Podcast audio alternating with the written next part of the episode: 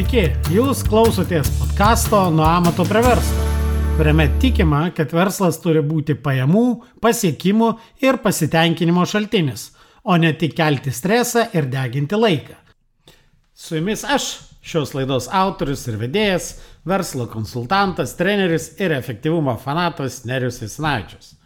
Labai norėčiau pasidžiaugti savo pirmojo epizodo perklausų statistiką. Iš tikrųjų, net nesitikėjau, kad pirmas epizodas sulauks tiek perklausų. Ačiū Jums, kad klausotės. Visgi, nepamirškite įvertinti ir reitinguoti podkasto bei parašyti atsiliepimą toje mm, podkastų platformoje, kurioje jūs klausotės šią, šį podcastą.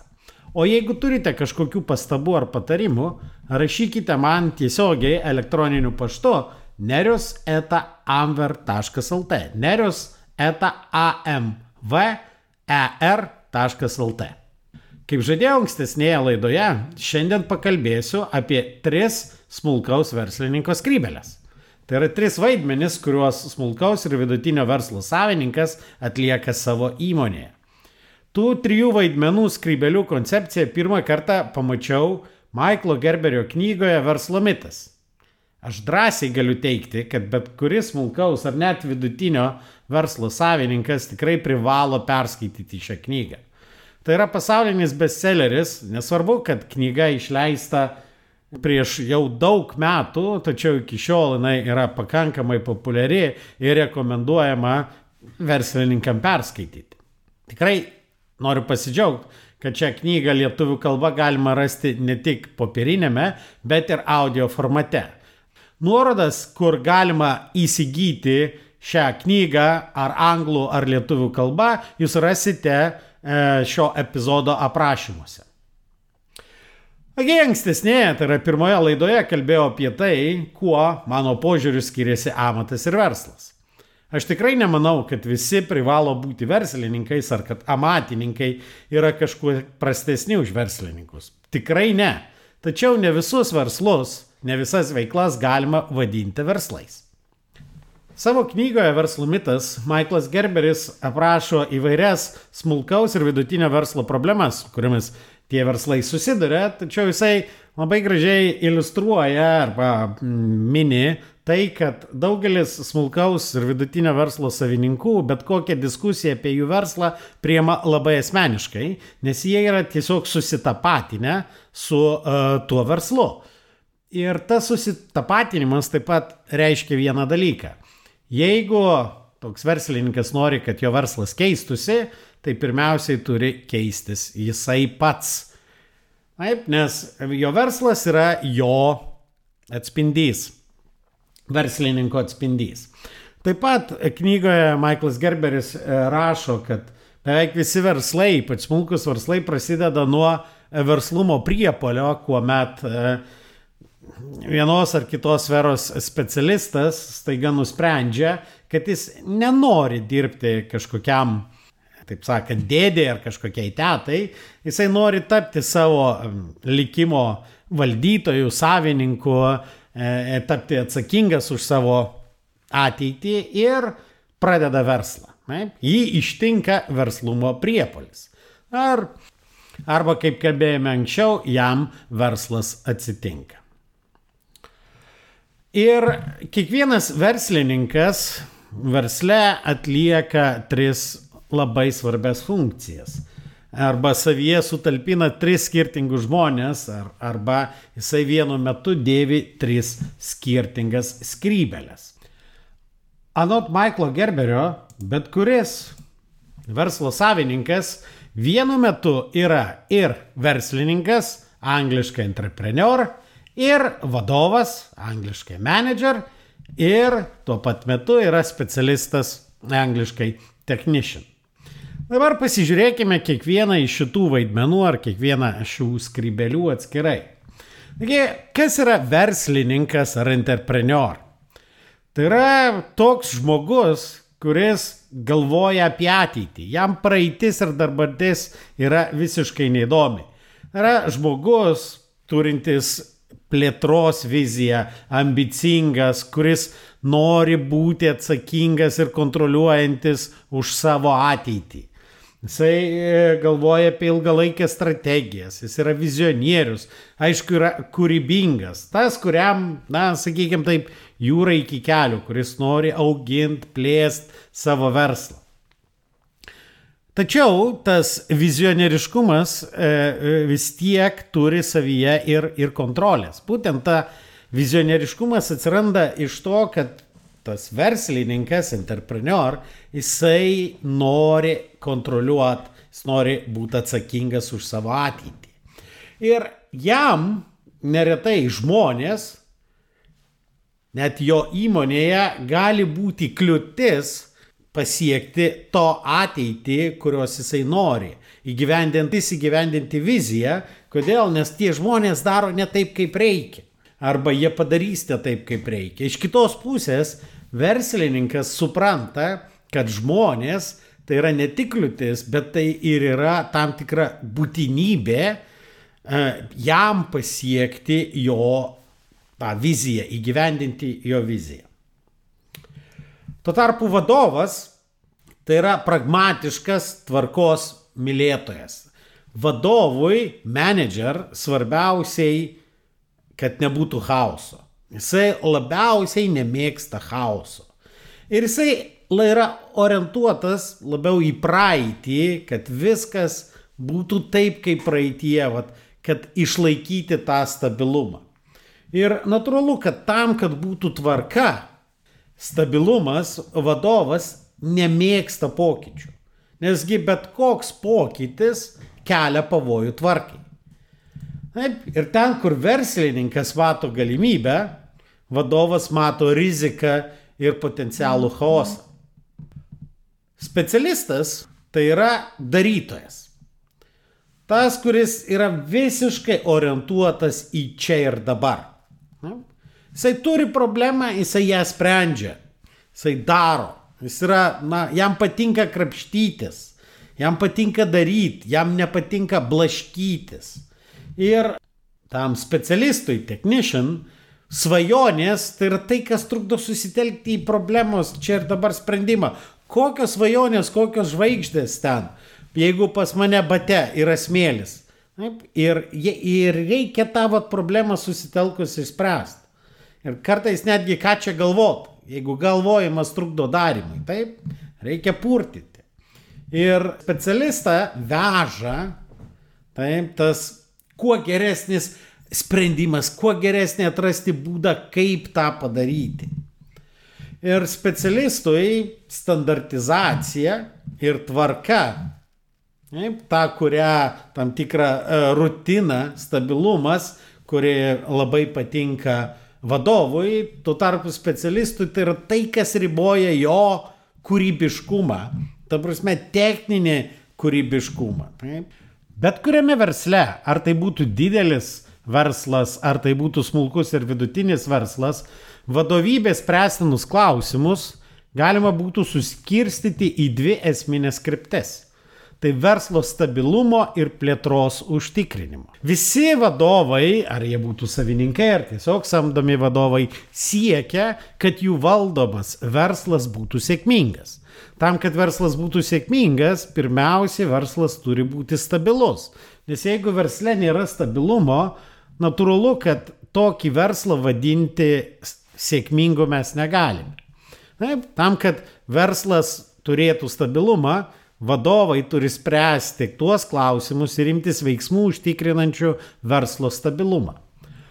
Tačiau mes negalime vadinti stabilaus verslo sėkmingo, juk nei konferencijose, nei straipsniuose jūs nerasite tokių pavyzdžių, kad žiūrėkit, koks buvo sėkmingas verslas, šešis metus išlaikė tą pačią apyvartą, išbuvo absoliučiai stabilus.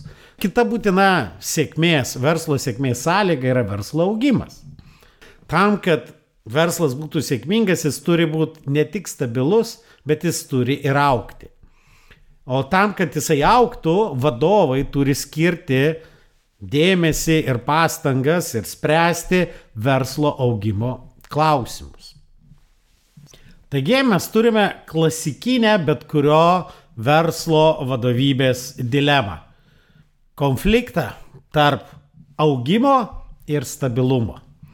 Ir šita dilema dar stipresnė ir sudėtingesnė yra, kai augimą atstovaujantis verslininkas, taip, entrepreneur, prieštarauja tam pačiam žmoguje gyvenančiam vadovui, kuris turi užtikrinti stabilumą. Mes turim suprasti, kad e, nepatenkinę bent vienos iš šitos dilemos būtinų sąlygų, tai yra neužtikrinę verslo augimo arba verslo stabilumo, mes negalėsime sakyti, kad mūsų turimas verslas yra sėkmingas. Todėl mes turime užtikrinti ir stabilumą, ir augimą. Jeigu verslo savininkas neskirs dėmesio šitiem dviem aspektam, jie patys savaime versle neatsiras. Ir tai reiškia, kad verslo savininkas turi pradėti dirbti ne tik versle, kaip Gerberis sako, in the business, bet jisai turi pradėti dirbti su verslu arba virš verslo, tai yra on the business. Bet taip jau yra nutikę, kad dauguma smulkaus ir vidutinio verslo savininkų labai gerai jaučiasi dėvėdami specialisto skrybelę. Juk tai viena iš priežasčių, kodėl jų verslas iki šiol nebankrutavo. Nes jie yra labai geri savo srities specialistai. Ta aukšta steigėjo kvalifikacija vienoje ar kitoje srityje ir yra labai dažnai esminis kompanijos konkurencinis pranašumas ir yra tai, dėl ko klientai dirba su šita įmonė. Šią patirtį verslininkas, bet labiau amatininkas, specialistas, tą profesinę patirtį kaupė ne vienerius metus. Ir toj srity jis yra super specas. Jisai jaučiasi puikiai, žino, kaip spręsti daugelį iškylančių tų techninių problemų kur rasti informacijos apie savo specialybės naujienas ir kaip spręsti tas specialybinės problemas. Ir kas svarbiausia, jam patinka spręsti tas specialybinės problemas. Ir kol įmonės savininkas dirba specialisto vaidmenyje, jisai netlieka vadovo, tai yra sistemos valdytojo ir verslininko, sistemos, tai yra verslo plėtėjo darbų. Specialisto darbuose smulkaus ir vidutinio verslo savininkas, amatininkas jaučiasi labai gerai, nes joje jisai turi nemažą patirtį, sukauptas žinias, įdirbį, tuo tarpu verslo valdymo sferoje tų žinių ir patirties yra pakankamai nedaug ir dėl to smulkaus ir vidutinio verslo savininkai toj sferoje jaučiasi pakankamai nejaukiai. O ten, kur yra naujas rytis, daroma klaidų. O taip jau veikia mūsų smegenis, kad mes nemėgstame klysti. Ir ypač tose sferose, kur mes dar daug ko nežinome, kur jaučiamės nesaugiai. Jeigu specialistas sferoje suklystame, kur turime jau įdirbį, jau turim pasitikėjimą savim, tai tos klaidos traktuojamas, okei, okay, tai ne klaida, tai pamoka. Tuo tarpu naujoj sferoj sklai, į klaidas reaguojama labai labai skausmingai. Todėl vadovas naujokas, kaip ir daugelis vaikų, stengiasi vengti visų veiklų, kurios atneša nemalonų jausmą. Ir jisai pasineria, daugiau laiko skiria specialisto darbam atlikti, bet netlieka verslo savininko, tai yra verslininko, entrepreneur ir verslo vadovo, manager vaidmenų ir darbų. Ir tai tampa bendrovės augimo stabdžiu.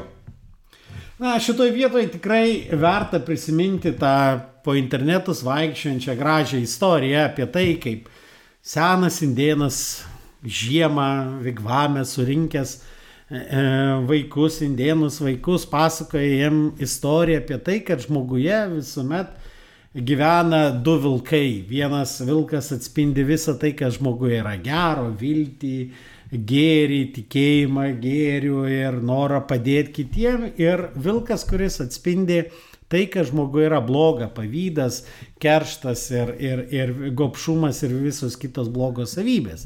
Ir tie vilkai pastoviai kaunasi. Na ir e, tie vaikai pas tą seną indieną klausia, tai kuris iš tų vilkų laimės? Ir atsakymas labai paprastas - tą, kurį jūs maitinsite. Smulkaus ir vidutinio verslo savininkas turi atlikti tris rolės. Jisai turi būti ir verslininkas, entrepreneur, galvoti apie ateitį. Jisai turi būti vadovas, užtikrinantis verslo stabilumą, kažkiek galvojantis apie tą, kažkiek ir praeitį. Galbūt jis kažkiek turi būti ir tuo specialistu. Bet labai svarbu, kad jisai skirtų kiekvienai roliai pakankamai laiko. Nes jeigu tik tai kažkuri iš tų rolių yra praignoruojama, ypač verslo vystimo ir stabilizavimo rolė, tai sukelia pakankamai daug neigiamų pasiekmių ir tai tampa pagrindiniu streso ir laiko praradimo šaltiniu.